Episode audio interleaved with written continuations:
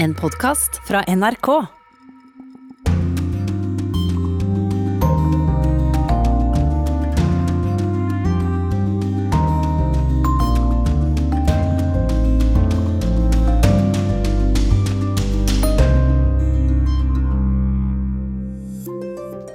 Dødsfallet til en profilert høyesterettsdommer i USA utløser en intens politisk kamp halvannen måned før valget.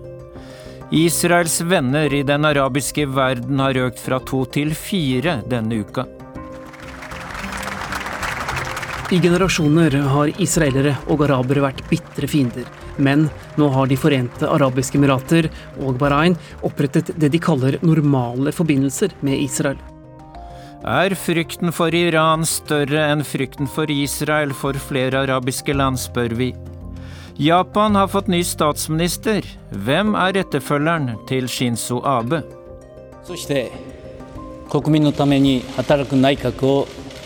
Jeg er klar for å jobbe hardt for folket, for å få resultater, slik at vi kan leve opp til forventningene deres. Det sa 71 år gamle Yoshihide Suga på torsdag. I Sverige har minihus som kunst blitt svært populært. Alt er nemlig i musestørrelse.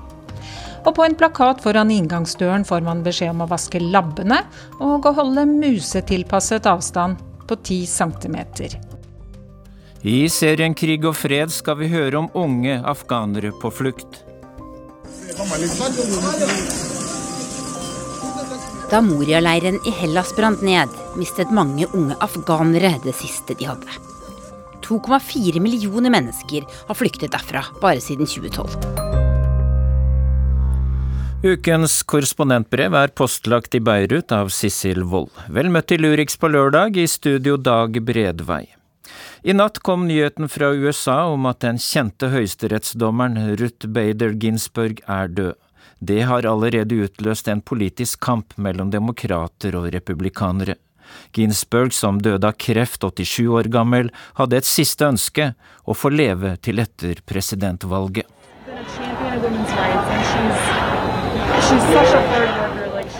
Dette er lyden fra utenfor Høyesterett i natt. Mange har møtt opp der. Der roper de annet 'respekter ønsket hennes'. Og velkommen Tove Bjørgaas, du er tidligere USA-korrespondent. Det vi hørte nå, hva sier det om Ginsbergs posisjon? Hun var et feministikon i USA, og spesielt for veldig mange unge kvinner, tror jeg. Sånne unge kvinner i 20- og 30-årene ble de siste årene veldig obs på henne som en høyesterettsdommer som hadde kjempet for kvinners rettigheter. Det er jo blant folk på venstresida, blant demokratene, at hun var populær. Hun ble utnevnt av Bill Clinton i 1993. Og det også ble laget en, faktisk en dokumentarfilm om henne i 2018 som het RBG, som også gikk på kino i USA og ble populær. Hvorfor fører Ginsbergs bortgang til en umiddelbar politisk kamp som vi ser nå allerede? Ja, Det handler eh, ikke så mye om republikansk side. For hvem som er høyesterettsdommer i USA, hvilken politisk farge de har, om de er konservative eller liberale, det er en veldig viktig mobiliseringsfaktor for velgerne. Eh, ved valget sist så sa over 20% 21% av velgerne i valgdagsmålinger at, at de valgte hvem de skulle stemme på ut fra eh, Høyesterett. Altså at de ønsket en viss type høyesterettsdommere. Og dette er viktigst for kristne, konservative velgere på høyresida i USA, og har vært veldig viktig for Donald Trump. Han har mobilisert eh, høyrevelgere, og, og, og, dermed har han også klart å sikre seg mer støtte. Og han har også så langt utnevnt to høyesterettsdommere, og klarte også å utnevne eh, Og klart, lagde en liste i valgkampen til 2016 over de dommerne han ønsket å utnevne, og det var et politisk sjakktrekk av ham. Men hva kommer Trump og republikanerne til å gjøre nå, tror du? Ja, Det som blir veldig spennende nå, det er om de kommer til å utnevne en dommer nå og forsøke å få vedkommende godkjent før valget, eller før eh, den nye kongressen tiltrer i januar. Eh, Ginsburg selv ønsket altså på dødsleiet at dette skulle utsettes til etter eh, valget, altså til neste kongress trår i kraft. I 2016 så utnevnte Barack Obama en høyesterettsdommer som ikke ble godkjent fordi republikanerne ikke ville gjøre dette i et valgår. Så dette er en intens politisk debatt, men det kan bli viktig som en mobiliseringsfaktor i valgkampen. Ikke minst på høyresiden, men jeg tror også blant demokratene, etter det vi hører om folk som har samlet seg utenfor Høyesterett i natt. Tusen takk for at du kom til Urix på lørdag, Tove Bjørgaas. Nå om den oppsiktsvekkende avtalen mellom Israel og to araberstater om å normalisere forholdet. Vi har invitert to Midtøsten-kjennere som skal svare på spørsmål som er det frykten for Iran som ligger bak, og er drømmen om en palestinsk stat knust med denne avtalen? Først gir Eirik Veum oss et tilbakeblikk på det som skjedde i hagen foran Det hvite hus tidligere denne uka.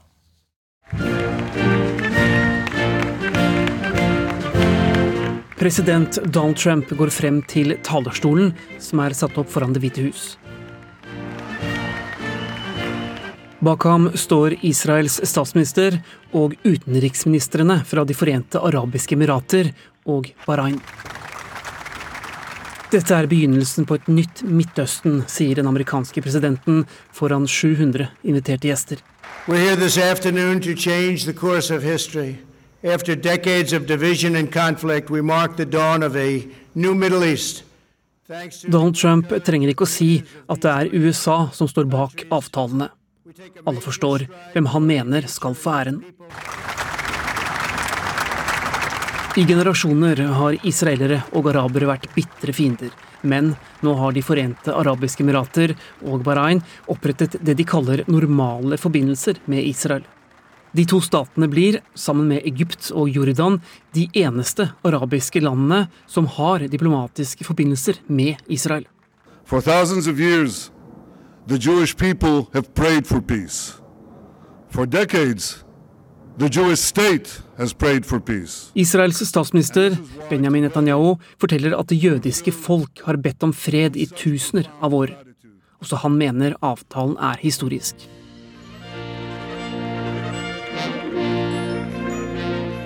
Utenriksministrene fra De forente arabiske emirater og Bahrain talte også under seremonien.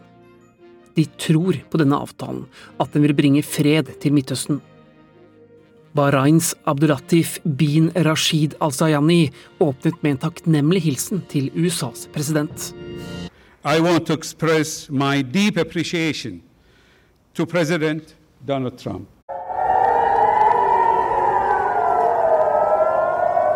Dette er et lydopptak fra den israelske byen Ashtod. Samme dag som det feires i Washington, kommer raketter inn i Israel fra Gaza. Alarmen går. Det er palestinernes hilsen til USA, til Israel og araberstatene som inngår avtaler med dem. To israelere ble såret. Angrepet kom kanskje ikke så overraskende. Palestinerne mener de er holdt utenfor. De er fortsatt okkupert. De tapte. De ble forbigått nok en gang. Kan det virkelig bli fred i Midtøsten uten at palestinerne er med? Uten at de får sin uavhengighet, sin frihet og en egen stat der det palestinske folket selv får bestemme? Vel møtt til Urix på lørdag, Hilde Henriksen Våge og Erling Rimehaug. Takk. Henriksen Våge, du er professor i historie ved Universitetet i Oslo og har bl.a. skrevet doktoroppgave om Suez-krisen og har publisert to bøker og en mengde artikler om Oslo-prosessen, bl.a. Og Erling Rimehaug, du er tidligere redaktør i Vårt Land. Du skriver fortsatt artikler om Midtøsten og har også skrevet bok om Israels forhold til palestinerne. Og først, eh, Henriksen Våge, hvorfor tror du Emiratene og Bahrain signerte avtalen om å normalisere forholdet til Israel nå? Jeg tror kanskje vi skal begynne med å spørre hvorfor det er Israel som kanskje gjør dette nå, i den rekkefølgen. Fordi at eh, Israel, og i samarbeid med USA, har jo lenge ønska å normalisere i gåseøyne eh, forholdet til de andre arabiske landene. Eh, der har det jo vært, siden staten ble oppretta i 1948, en slags krigstilstand. Selv om disse landene her aldri har vært i krig med Israel. Men allikevel så har det vært sånn at araberne har stått sammen eh, mot Israel fordi at de har satt som krav at hvis ikke Palestina-spørsmålet eh, blir løst, eller er med på en løsning, så vil ikke de forhandle med Israel. Nå ser vi at det er en helt ny verden, en helt ny virkelighet, med et sterkt USA eh, som er Israels nå aller beste venn, og et Israel som sammen med USA går inn for da å normalisere forholdet til noen små arabiske land. Og derfor kommer dette nå. Nettopp. Egypt var det første landet som normaliserte forhold med Israel og ble straffet voldsomt av uh, araberstatene. Mm. Ekskludert fra arabiske liga. Mm. Frosset ut. Mm. Hvorfor ser vi ingen reaksjoner i Den arabiske liga nå? Da var det dramatisk å bryte med den felles fronten. Mens nå så ser vi at når Bahrain og Emiratene gjør dette, så hører vi nesten ikke en lyd. Eh, kan du si at Sjøl Selv om Egypt inngikk fredsavtale, så har det ikke egentlig vært normalisering. Det har vært veldig mye sanksjoner mot folk som har hatt noe med Israel å gjøre, både i Egypt og Jordan. Uh, og det er jo også forskjellen nå at nå legger de opp til kulturutveksling og turisme og alt dette som har vært forbudt. Og ikke minst oljehandel som har vært forbudt. og så, så det kommer til å skje veldig mye, og da får vi nye konfliktlinjer også, antagelig. Og kan frykten for Iran føre da Israel og flere araberland sammen? Ja, det er jo frykten for Iran som på en måte er drivkraften bak det som har skjedd, på mange måter. Og nå blir det jo Israel en del av den arabiske aksen mot, eh, mot Iran. Og det, det er jo, altså At Israel er et slags eh, arabisk alliert land, det er jo noe helt nytt. Eh, om det da gjør det mer eller mindre sannsynlig med en krig mot Iran, det er jo en annen sak. For, for eh, sånn som Bahrain er jo veldig lite interessert i at det skal bli militærkonflikt over Persiabukta. Mm. Henriksen Våge, vil du også si det at Iran er en større trussel nå mot disse araberlandene enn Israel? Eh, men Det spørs jo på øynene som ser, og det er jo sånn de liker å fremstille det. For dette er jo egentlig den gode, gamle kampen om regionalt herredømme i Midtøsten. Og det har alltid vært tre land som har kjempa om dette herredømmet. Iran, Saudi-Arabia og Israel. Eh, og vi ser nå at Israel er på denne Saudi-Arabia-laget, aksen. Eh, og enda viktigere, de er på USA sin side i denne konflikten. Og da er det sånn at man gjør Iran til en hovedfiende. Og dette har jo vært helt Israels og USAs bevisste politikk under Donald Trump. Å isolere Iran å stigmatisere Iran og bryte den avtalen som Barack Obama forhandlet fram med Iran, slik at Iran gjøres til den, det store liksom, monsteret i Midtøsten som mange av disse små arabiske landene frykter. Mange har fryktet en krig mellom Israel og Iran, men kan denne avtalen gjøre at det er mindre sannsynlig med arabiske land på Israels side på en måte, at de vil holde igjen Israel? Ja, det var det jeg var inne på, det med Bahrain.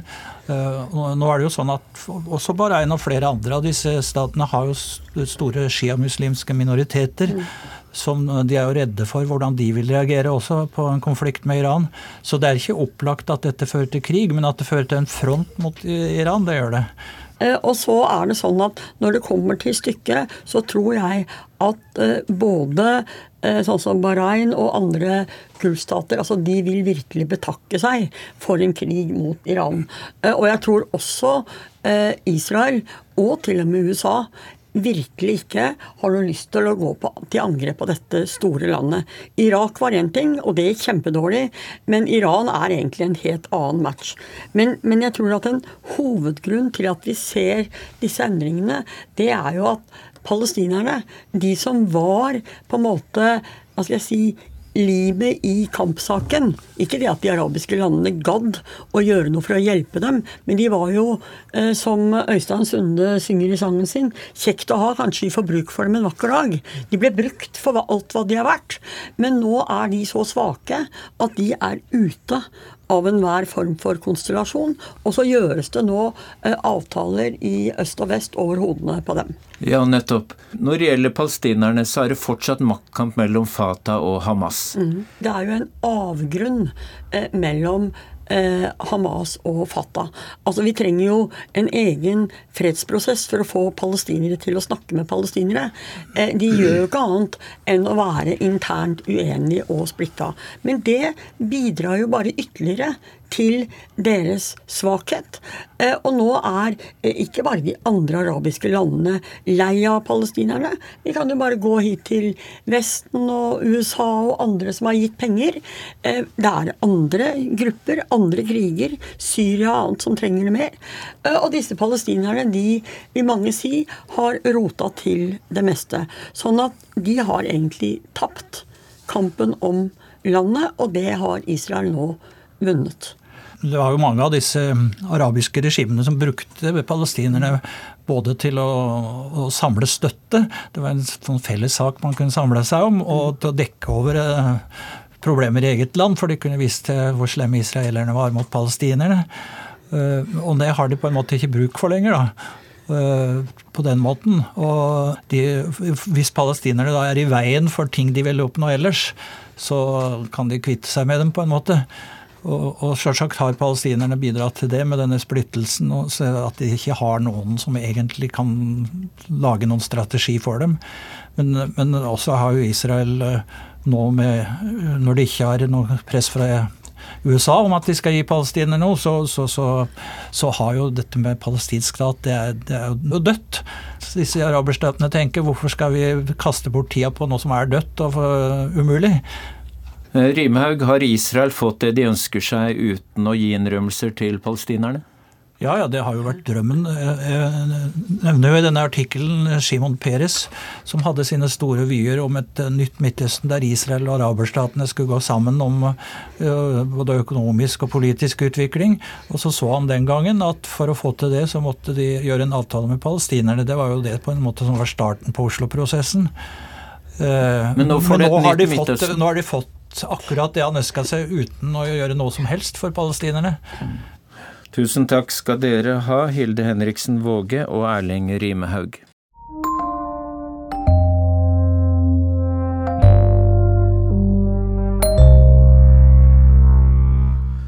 Denne uken fikk Japan en ny statsminister. 71 år gamle Yoshihide Suga står opp klokka fem hver dag, jobber nesten døgnet rundt. Han representerer stabilitet mer enn endring. Reporter Anja Strøen har laget dette portrettet av mannen som etterfølger Shinzo Abe i statsministerstolen.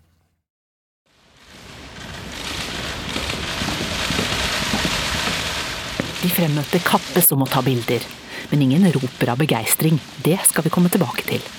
En eldre mann går målrettet mot mikrofonen, bukker høflig og sier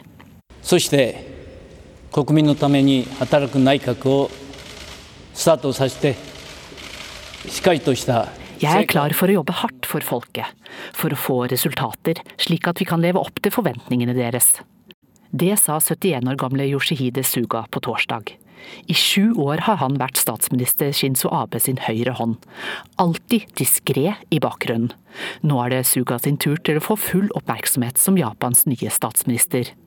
For i forrige måned kunngjorde Abe at han gikk av pga. dårlig helse. Men han var fornøyd med det han har oppnådd. Eh,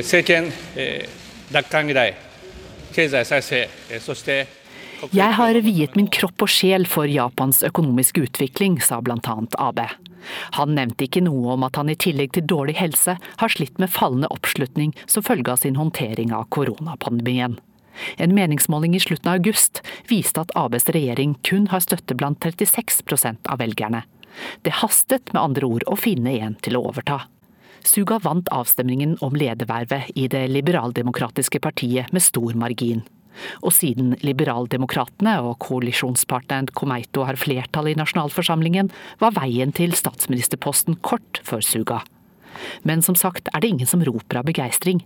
Det legger ikke Suga som person opp til. Helt siden han ble innvalgt i nasjonalforsamlingen i 1996, har han blitt sett på som en nøytral skikkelse. Slik ser han også ut. Ofte iført diskré dress, dempet slips, håret inn samme sidesveisen korrekt på plass følger manuset han alltid har foran seg ved pressekonferanser, gløtter kort opp iblant, akkurat for kort til at man ikke får kontakt med de slitne øynene som vitner om lange dager på kontoret. Stemmen er rolig, men tydelig.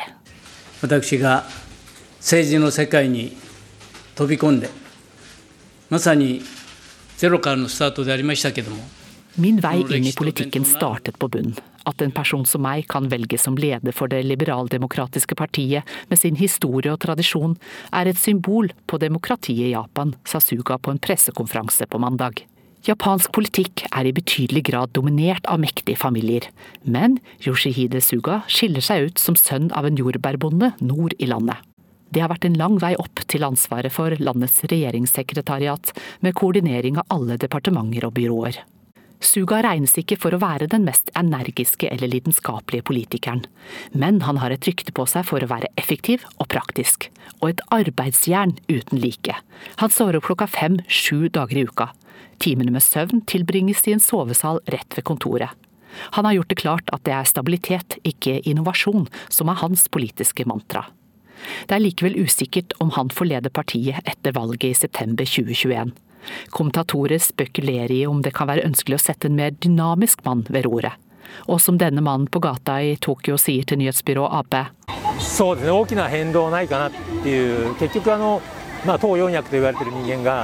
Partiet må satse på den yngre generasjonen. Uten dem blir det ingen reformer.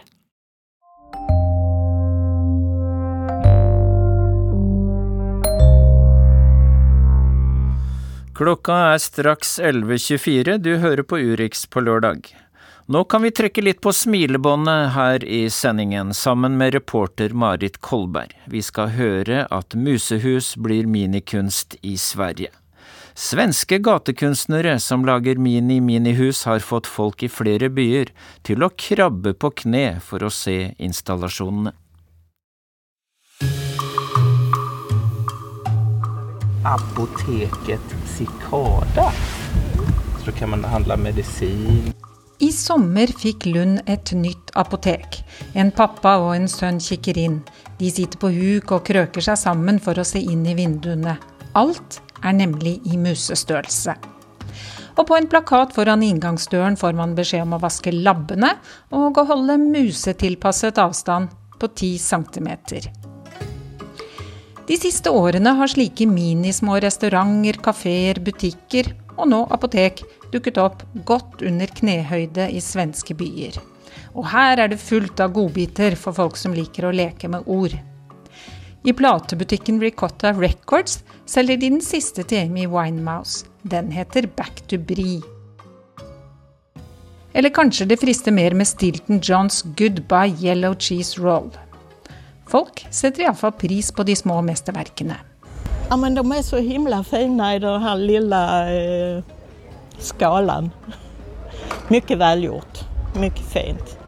Det sier Annika Jeppsson til svensk TV. Men kunstnerne sier ikke et pip om hvem de er. Det var en utfordring for Lund kommune da de ville kjøpe tre av verkene, for ingen ville gå i avsløringsfella. De passet seg for å gjøre kjent hvem de er. Lund måtte jobbe lenge før de fikk vite hvem de skulle sende sjekken på 99 000 svenske kroner til, sier kultursjef Annika Eklund.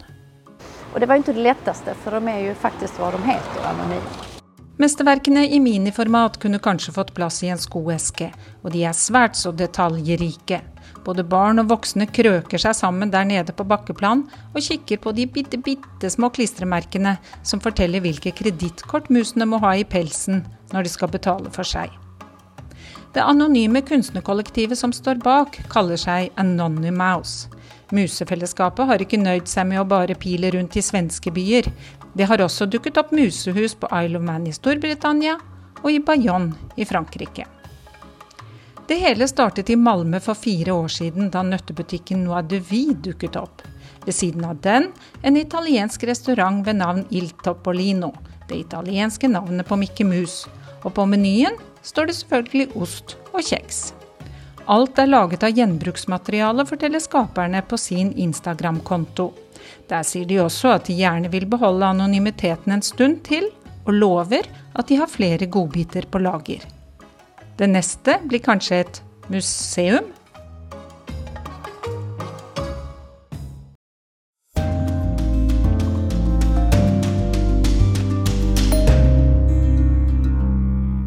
Det er tid for å åpne ukens korrespondentbrev. Det er skrevet av Sissel Wold og postlagta i Beirut. Sissel Wold forklarer hvordan en gave på nesten to tonn te skapte storm i Libanon. Sri Lankas ambassadør i Libanon visste lite om hva som ventet da hun besøkte landets president Michelle Aoun. Ambassadøren var kledd i svart sari og hadde et gullfarget sjal over skulderen. Hun hadde med seg en gave på over 1,5 tonn te av aller beste kvalitet, forsikret hun. Du kan velge hvem du vil gi den til, var beskjeden. Presidenten så resignert ut der han satt i grå dress med hendene foldet i fanget.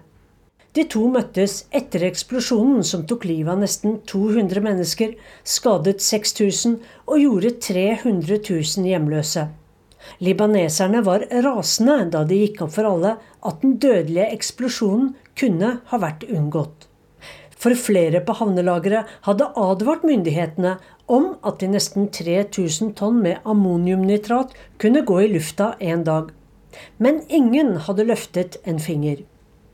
Med all denne teen fikk den upopulære presidenten en gyllen mulighet. Han kunne gi te til folket, en uke før eksplosjonen landet NRK-kollega Mohammed Alayoubi og jeg i Beirut. Vi skulle dekke Libanons dramatiske fall. For her hadde alt truffet samtidig. Korona, bankkrise og hyperinflasjon. Landet var tomt for dollar. Hundretusener har mistet sparepengene sine, og pengene de har igjen, er knapt verdt noe. I tillegg hadde korrupte politikere stått for et vannstyre så ille at ingen internasjonale banker lenger vil låne penger til Libanon. Mohammed hadde skaffet oss en eksklusiv avtale med TV-stjernen som ble politiker, Paula Jacobian. En time etter avtalt tid kom Jacobian i en aura av glamour. Perfekt sminket, i tettsittende hvit kjole og høyhælte hvite sko. Den kjente journalisten bestemte seg for å bytte side da opprøret mot vannstyret begynte i fjor. Vi styres av en mafia. Vi trenger en revolusjon, og jeg vil være på rett side av historien. Oppgjøret kommer til å bli blodig, sa Jakobian, som var valgt inn i parlamentet for de armensk-ortodokse libaneserne. Etter intervjuet hadde jeg en følelse av at Libanon sto foran et ras. Bare en gnist skal til før dette landet går av hengslene, sa en annen libanesisk journalist til oss. Den gnisten kom. Tirsdag 4. august var Mohammed og jeg ferdig med opptakene våre. Jeg ruslet rundt i gatene i Hamra-distriktet, der det meste var lukket, fordi butikker og utesteder hadde gått konkurs eller var koronastengt. Tilbake på hotell Mayflower slang jeg meg ned på sengen for å sjekke Twitter. Etter noen minutter begynte rommet å riste. Ja, hele hotellet ristet kraftig. Jordskjelv, tenkte jeg. Et svært jordskjelv. Det varte fire-fem sekunder, tror jeg. Og det er lenge når du tror alt kan kollapse over deg. Ristingen stanset med et voldsomt smell. Hvit røyk seg inn gjennom vinduet. Hva i alle dager var dette? Jeg var mer forvirret enn redd mens jeg løp rundt i rommet. Jeg måtte ut. Men skulle jeg ta på meg joggesko eller sandaler? Jeg greide ikke å bestemme meg og løpet barbent. I korridoren møtte jeg flere irakiske menn i bare badebukser på vei ned trappene som var dekket av glasskår. Det er visst et fyrverkerilager som har gått i lufta, sa resepsjonisten matt. For hadde ikke libaneserne måttet tåle nok nå? Men et slikt smell i en by der utallige politiske grupperinger og naboland har kjempet sine kriger og fremdeles gjør det, kunne ikke bare være fyrverkeri, det måtte være et angrep. Det er sikkert Israel, sa en. Kanskje IS, sa en annen. Nei, Hizbollah, sa en tredje. Ute på gaten forsøkte jeg å ikke tråkke på alle glasskårene. Vinduer fra hotellet og bygningene rundt var knust, som etter en bilbombe. Jeg kastet et blikk opp, og der der på himmelen steg den vakreste skyen jeg har sett. En rosa røyksøyle, som sukkerspinnet du får kjøpt på tivoli. Jeg tekstet sjefen min, Sigurd. Enormt smell og rystelse i Mayflower. Bombe? Er dere sammen? svarte Sigurd. Mohammed, ja, hvor var han? Mohammed var i leiligheten familien hans har i Beirut. Han hadde sovet og bråvåknet av smellet, en svært ubehagelig måte å våkne på. Mohammed var i tolvte etasje, mens jeg var bare i tredje, Så eksplosjonen var langt mer dramatisk for ham, der han løp ned alle trappene for å komme seg ut. Vi var begge to-tre kilometer unna havnelageret der eksplosjonen fant sted. Men hva hadde skjedd med dem i nærheten? Mohammed og jeg dro rett på jobb igjen. I kaoset i Beirut sentrum var ikke røyken rosa lenger, men svart mot en grå himmel. Det så ut som en krigssone. Ødelagte bygninger og lyseblå glasskår overalt, knuste biler og sjokkskadde mennesker. Vi ba noen om intervjuer. Få vekk det kameraet fra meg, jeg har akkurat sett et menneske dø, ropte en mann. Var det noe de hardt prøvde libaneserne virkelig ikke fortjente, så var det dette. Myndighetene sendte ikke ut ryddemannskaper i dagene etterpå. Derimot kom ungdom med koster og spader for å rydde. Eksplosjonen i Beirut var 3000 ganger kraftigere enn den i Høyblokka i Oslo. Etter 22.07 snakket statsminister Jens Stoltenberg ofte til og med oss. Han delte sorgen, og han trøstet. Men i Beirut kom ikke en eneste libanesisk leder på banen.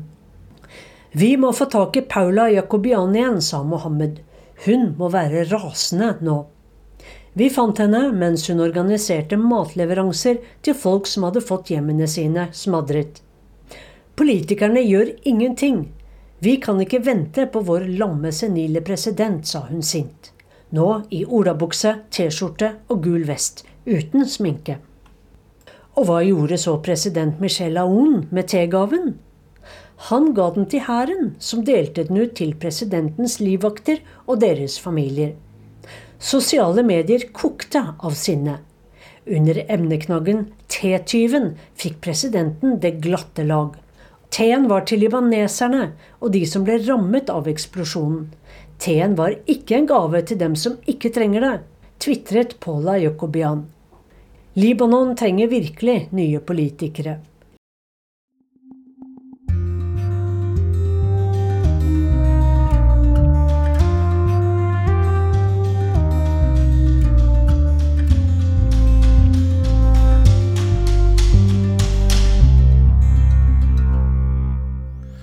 Det er tid for podkastserien Krig og fred. De fleste av de unge flyktningene som bodde alene i den nedbrente Moria-leiren, var fra Afghanistan. Verken Norge eller mange andre europeiske land vil ta imot dem. Hvorfor legger hundretusener av afghanere likevel ut på flukt hvert eneste år, spør Tove Bjørgaas og Tore Moland.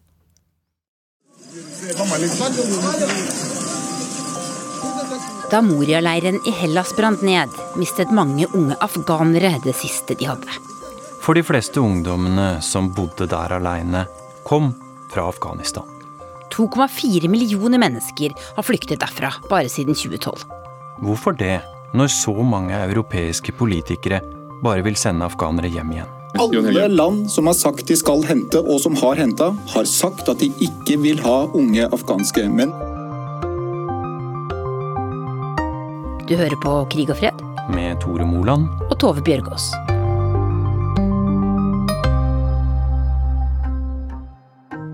Hvor gammel var du når du kom til Norge? Jeg er seks år gammel. Jeg husker det var en veldig uvirkelig følelse å komme til Norge og høre statslederne kalle oss som landsmenn og føle at man var så trygg, plutselig sånn brått. Så det var en veldig uvirkelig følelse i, i begynnelsen. Så du følte deg velkommen, husker du? Ja, eh, spesielt i Lier. Vi var veldig godt tatt imot, og eh, alle behandlet Vi følte ikke noe at vi var fremmedgjort på noen som helst måte. Eh, og jeg fikk ta del i det jeg mener er verdens beste utdanningssystem. Så jeg hadde en veldig idyllisk oppvekst i Lier. Jeg heter Pamir Esas. Eh, Jeg, er en norsk afghaner eh, som kom sammen med familien min hit i 2002. Og jeg, er en student eh, ved universitetet i Oxford og jobber med barns rett til utdanning. I Afghanistan? I Afghanistan, ja. Og hvor gammel er du? Jeg er 26 år. Kan du fortelle hvordan flukten til din familie var? Ja, eh, så under borgerkrigen i Afghanistan så forverret situasjonen seg brått, og eh, veldig ekstremistiske fraksjoner begynte å forfølge folk med utdanning. Og pappa var tidligere statsadvokat, eh, så da måtte vi ut på flukt. Så vi, vi flyktet til Russland, og så flyktet pappa videre til Norge. Og når han kom hit, så kom vi da eh, et par år senere, da, etter å ha vært i Russland en liten stund. Hvordan reiste dere fra Afghanistan? Det var både til fots og gjennom eh, veldig mange sånne eh, ruter eh, hvor det var både tog eh, Og jeg husker at vi endte i togstasjonen i Moskva. Det var en veldig lang rute, og det var enda lengre for pappa som måtte gå store deler gjennom eh, fastlands-Europa til fots, da. Han gikk gjennom Europa? Ja, veldig mange gikk store, store deler av strekningene eh, til fots. Mens vi kom senere, et par år senere, med fly. Hvor mange søsken har du? Eh, vi er fem brødre. Fem brødre? Ja. Så, det, så, dere var fem brødre og moren din som ventet i Russland? Nei, vi, vi var fire brødre da. Han femtemann kom i Norge, og de håpet på at det skulle bli en jente som skulle vokse opp i verdens beste land for jenter, men det ble en gutt da òg. On my orders, the United States military has begun strikes against Al Qaeda terrorist training camps and military installations of the Taliban regime in Afghanistan.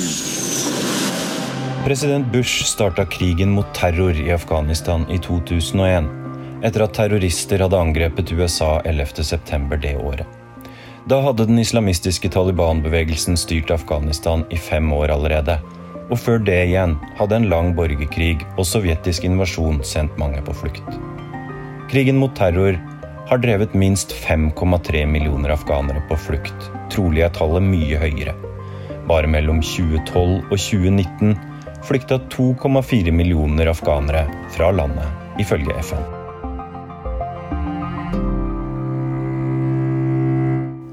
Jeg tenker at eh, skal man forstå det afghanske eh, flyktningsituasjonen, så må man se det i litt bredere perspektiv. I over tre århundre har internasjonale geomaktkamper og spenninger utspilt seg i hjertet av Asia, og Afghanistan har vært et slagmark. Og det var det med briterne og Russland i det 19. århundre, Sovjet og USA ved det 20. århundre, og så har det Nato-ledet invasjonen eh, i det 21. århundre. Og det som er trist, er at man setter bort deres egne ønsker om å leve i en fredelig tilværelse med minimal intervensjon fra fremmede makter. Eh, men samtidig, når fremmede makter interverer militært, sånn som Norge var med på invasjonen fra 2001, så blir de satt ut på flukt, ut, ut av tvang. Og når de først flykter til de landene som har invadert dem, så blir de møtt med lukkede dører. Hvordan eh, tenker du at din families flukt er annerledes enn flukten afghanere, afghanske familier som f.eks. er i Moria i dag, er? Eh, forholdene har blitt, ut fra eh, det jeg leser og hører, blitt mye, mye vanskeligere. Eh, jeg føler at afghanere har vært på flukt i over fire tiår. Og i begynnelsen så var det veldig mye empati og omsorg og medmenneskelighet i hvordan de ble behandlet. Eh, dette har svekket seg betraktelig ut fra hvordan populismen øker i Europa. Og de som er på flukt nå, de forholdene de beskriver, er veldig, veldig, veldig vanskelig å lese om og høre om.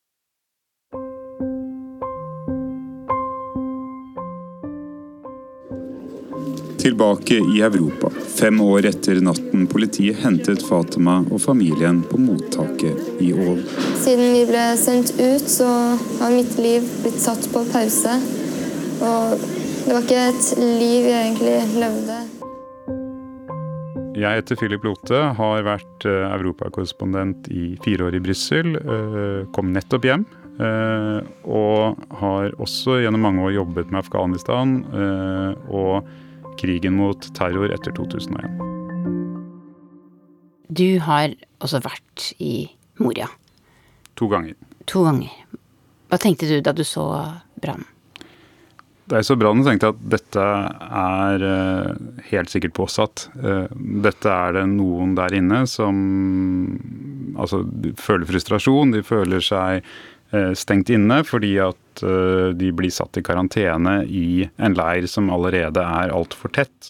Og sist du var der, i fjor, så møtte du et søskenpar som snakket norsk. Ja, da møtte jeg Fatima Ahmed og deres familie. Og de bodde inne i, i Moria leir og, og, og, snakket norsk. Uh, de hadde da lagt ut på sin andre flukt, så det var andre gang de reiste fra Afghanistan for å komme seg tilbake til Europa, men målet var jo for dem å komme til Norge. Ja, Fortell litt. Eh, de hadde også bodd i Norge før. Hva er deres historie? De kom til Norge som eh, ganske små. Da, da var de flere. Da var de fire søsken. Eh, og så eh, ble de tvangsutsendt etter å ha bodd lenge eh, i Norge, eh, på, i Ål i Hallingdal. Jeg kunne ikke akseptere at vi er blitt sendt. Jeg kunne ikke tro på det. Det var som en mareritt. Hvorfor kan du ikke tro på det? Fordi jeg tror ikke at uh, jeg, jeg, jeg, følte meg ikke hjemme i Afghanistan. Det var noe fremmed. Du eh, har snakket med Fatima etter brannen eh, i Moria. Var de der da det brant? Ja, de er nå på Kreta. Eh, på Kreta? Ble, på Kreta, ja. ja. For de har søkt asyl nå i Hellas og ble flyttet dit. Ja, Hva sier hun om Vi hadde jo håpet å få henne med i denne podkasten, men hun orket rett og slett ikke å, å, bli intervjuet akkurat nå. Nei, hun takket nei. Altså, hun sier at hun har gitt uh, en del intervjuer og fortalt sin historie. Og det som er helt tydelig at hun håper jo at hver gang at det skal eh, bety noe, gjøre en forskjell for henne. Eh, men at hun ikke egentlig orker å håpe lenger. Eh, og at selv om hun vet hun ikke skal håpe og tro at det skal bety noe, så gjør hun det likevel. Og at hun blir sliten og litt nede av å hele tiden måtte stå fram og fortelle. Så nå, nå, tenkte hun seg litt om og, og sa at nei, det, det vil jeg ikke. Det orker jeg ikke nå. I 2016 skrev EU under en avtale med myndighetene i Afghanistan om å sende tilbake folk som hadde fått avslag på asylsøknadene sine. Afghanske myndigheter sa ja til å ta imot 80 000 som hadde flykta, mot å få økonomisk kompensasjon. Også Norge begynte slik tilbakesending, og vedtok at afghanere kunne sendes tilbake til såkalt intern flukt. Om det var for farlig for dem å returnere dit de egentlig kom fra, kunne de f.eks. sendes til hovedstaden Kabul i stedet. Du har møtt flere afghanere mens du har vært korrespondent i, i Europa nå de siste fire årene. Forrige uke så skrev du også et korrespondentbrev, korrespondentbrev, en, som også ligger ute på nrk.no, om en ung afghaner som også snakker norsk, som barna dine møtte på en skole, en velkomstklasse i Belgia. Kandan var 16 år. Eh, satt stille eh, forholdsvis i, klasserommet, eh, før han ble da oppgitt over en situasjon hvor to søstre med rombakgrunn lagde veldig mye støy, hvor han bryter ut på norsk. hun er helt idiot. Altså han er oppgitt. Og ser da på mine barn, som fram til dette øyeblikket trodde de var de tre i dette klasserommet som kunne norsk. Eh, og så nøster vi litt i historien hans, vi får ikke vite mer. Og så nå som jeg nå er ferdig i Brussel, så, så, får vi faktisk tak i han eh, og snakker med han. Og han gir sin, eh, sin historie. Og han har da bodd flere steder i Norge, det, det var vi klar over. Og han er en av de mange. altså Rett før vi eh, hørte om og ungene mine ble kjent med Kandan, så hadde jeg vært i Paris. da hadde vi fått tips om at det var masse norsktalende eh, afghanske eh, gutter og unge menn i, i, Paris som levde på gata. Og alle disse her var såkalte eh, oktoberbarn. Altså barn som kom eh, unge. Eh, ikke alle under 18. Eh, noen av dem er unge menn, men andre er under 18. Som kom til Norge i oktober 2015, da, eller høsten 2015 og fikk navnet oktoberbarn. som da fikk beskjed om at som mindreårige så vil vi følge dere opp. Eh, dere kan gå på skole, integreringsklasser, eh, undervisning. Men så fort eh, man er 18, så forsvinner for det første de ekstra tiltakene rundt mindreårige asylsøkere. Og disse fikk da også beskjed om at de ville bli sendt ut. Og da dro de aller fleste av disse her. Og jeg snakket med mange verger for disse her, som alle får jo oppnevnt en verge, som er fortvilet og følte, en, følte på en slags skam og fortvilelse over hva det norske samfunnet ikke gjorde for disse her. Man bare lot dem dra. Og alle hadde jo ikke fylt 18. Mange dro, sånn som Kandidat han dro da han var 16.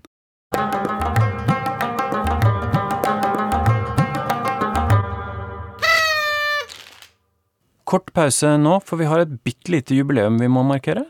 Ja, Krig og fred fyller tre år. Vi har holdt på i tre år og lagd over 100 episoder. Og nå eh, lurer vi på om du er fast lytter av denne podkasten, eller kanskje du nettopp har oppdaget oss? Uansett vil vi gjerne høre fra deg for å gjøre krig og fred enda bedre. Mer overraskende, mer informativ. Mer interessant. Send oss en e-post til krigogfred at nrk.no, så hører du fra oss. Krig og fred, nrk.no.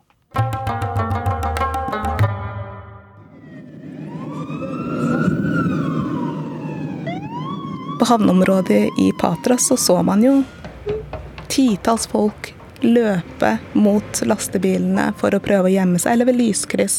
Prøve å klatre under lastebilen og henge seg fast. Dette er jo også kjempefarlig, det å falle når, når lastebilen er i full fart. Det å kunne bli klemt av at lastebilen heiser hjulene. Eh, og de beskrev jo også veldig de fysiske aspektene ved å kjenne varmen fra motoren, kjenne småstein og vannspruten som kommer mens de kjører på motorveier, eh, før de eh, greier å, å, å Den stopper for å fylle bensin, og de, de kommer seg ut. Hvis de ikke blir oppdaget på fergeturen eller ved ankomst i en italiensk havn. Og da ble veldig mange returnert tilbake.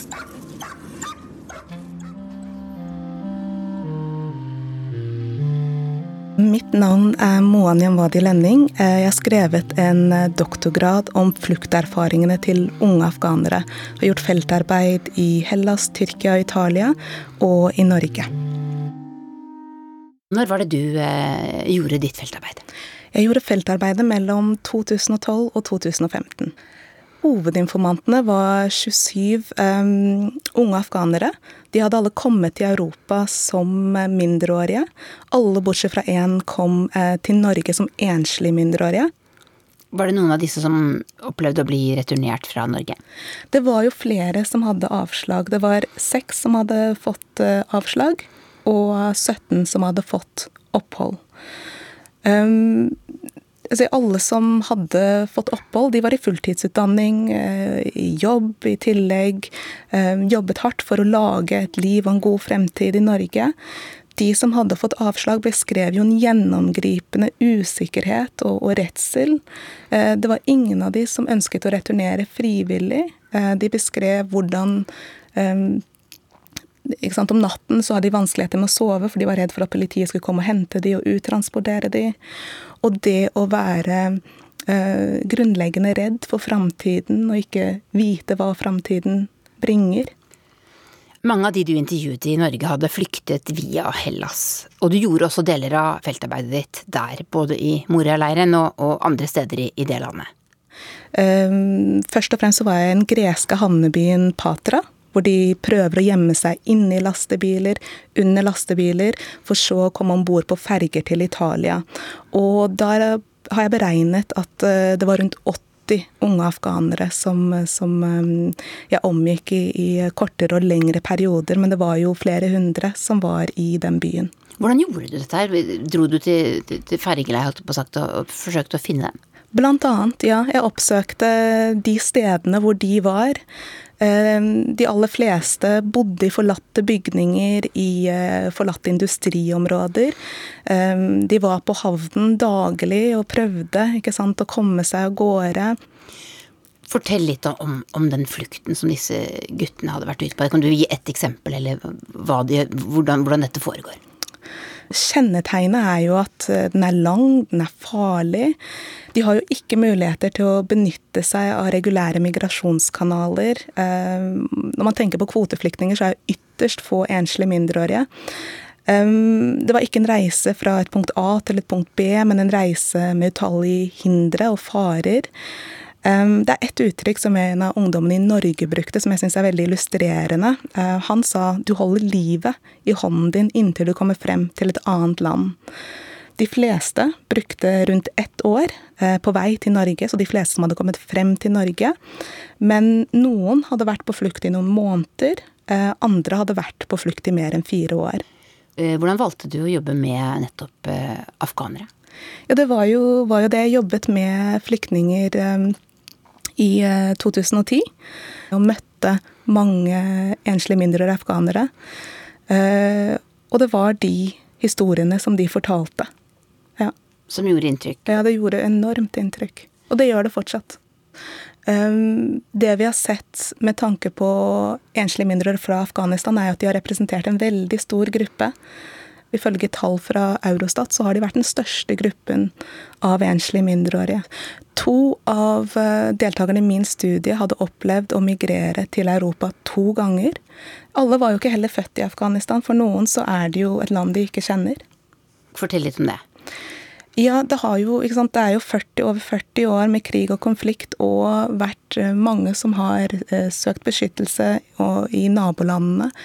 Og eh, også da selvfølgelig mange som er blitt født og vokst opp i, i Pakistan og Iran. Norske politikere har sagt flere etter at Moria-leiren brant, at eh, de ønsker ikke enslige mindreårige fra Afghanistan hit. Eh, hva tenker du om eh, beskyttelsesbehovet til, til, denne gruppa? Det jeg tenker, er at i økende grad så kan man snakke om et minskende humanitært rom for afghanere og anerkjennelse av beskyttelsesbehov. Eh, vi kan se både situasjonen i regionen, men også i Europa at vi har sett økt fokus på retur.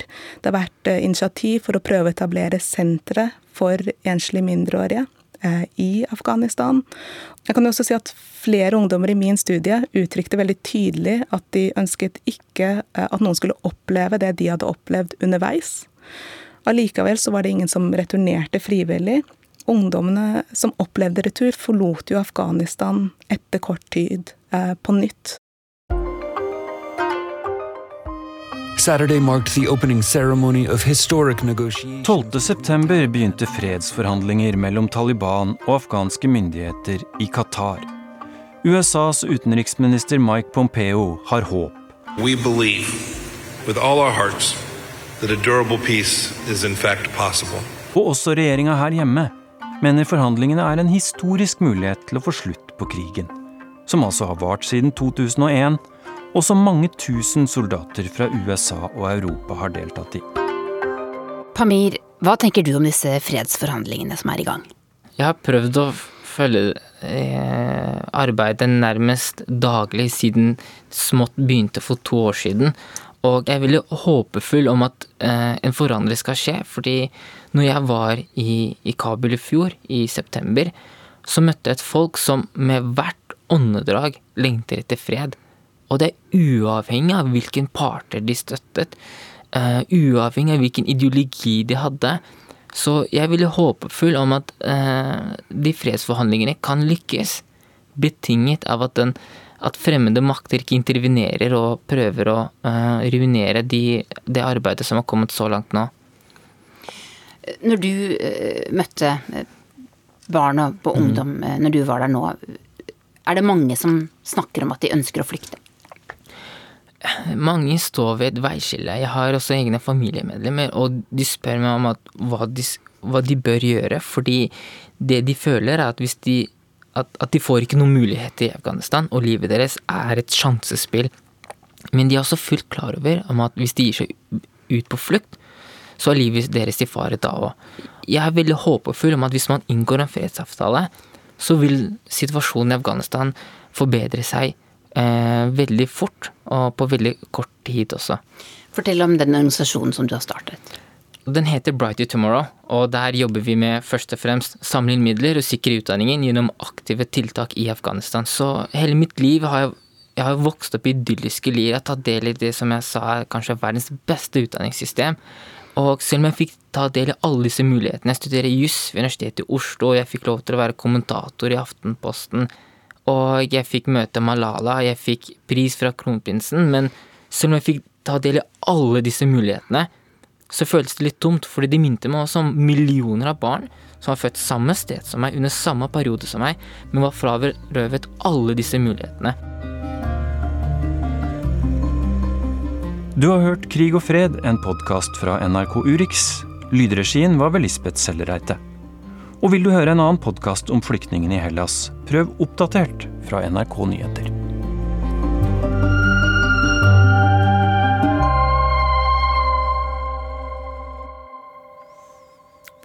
Vi har tid til en melding om korona på fremmarsj i Europa nå. Flere land innfører nye tiltak. Det er meldinger fra Danmark om 454 nye koronasmittede det siste døgnet. Alle landets restauranter og barer må stenge klokken 22. I Frankrike er det stor bekymring, fordi det er første gang siden i vår meldt om en så stor økning i antall koronadødsfall. Denne uka har 265 koronasmittede personer dødd. Island opplever det samme, økt smitte. I hovedstaden Røykjavik må alle utesteder holdes stengt de neste fire dagene. I Spania advarer helsearbeidere om at sykehusene mangler kapasitet til å behandle alvorlig koronasyke pasienter, melder nyhetsbyrået AFP. Urix på lørdag er straks slutt. Produsent Elias von Krogh, teknisk ansvarlig Lisbeth Sellereite og jeg, Dag Bredvei, takker for følget og ønsker dere alle hjertelig god helg.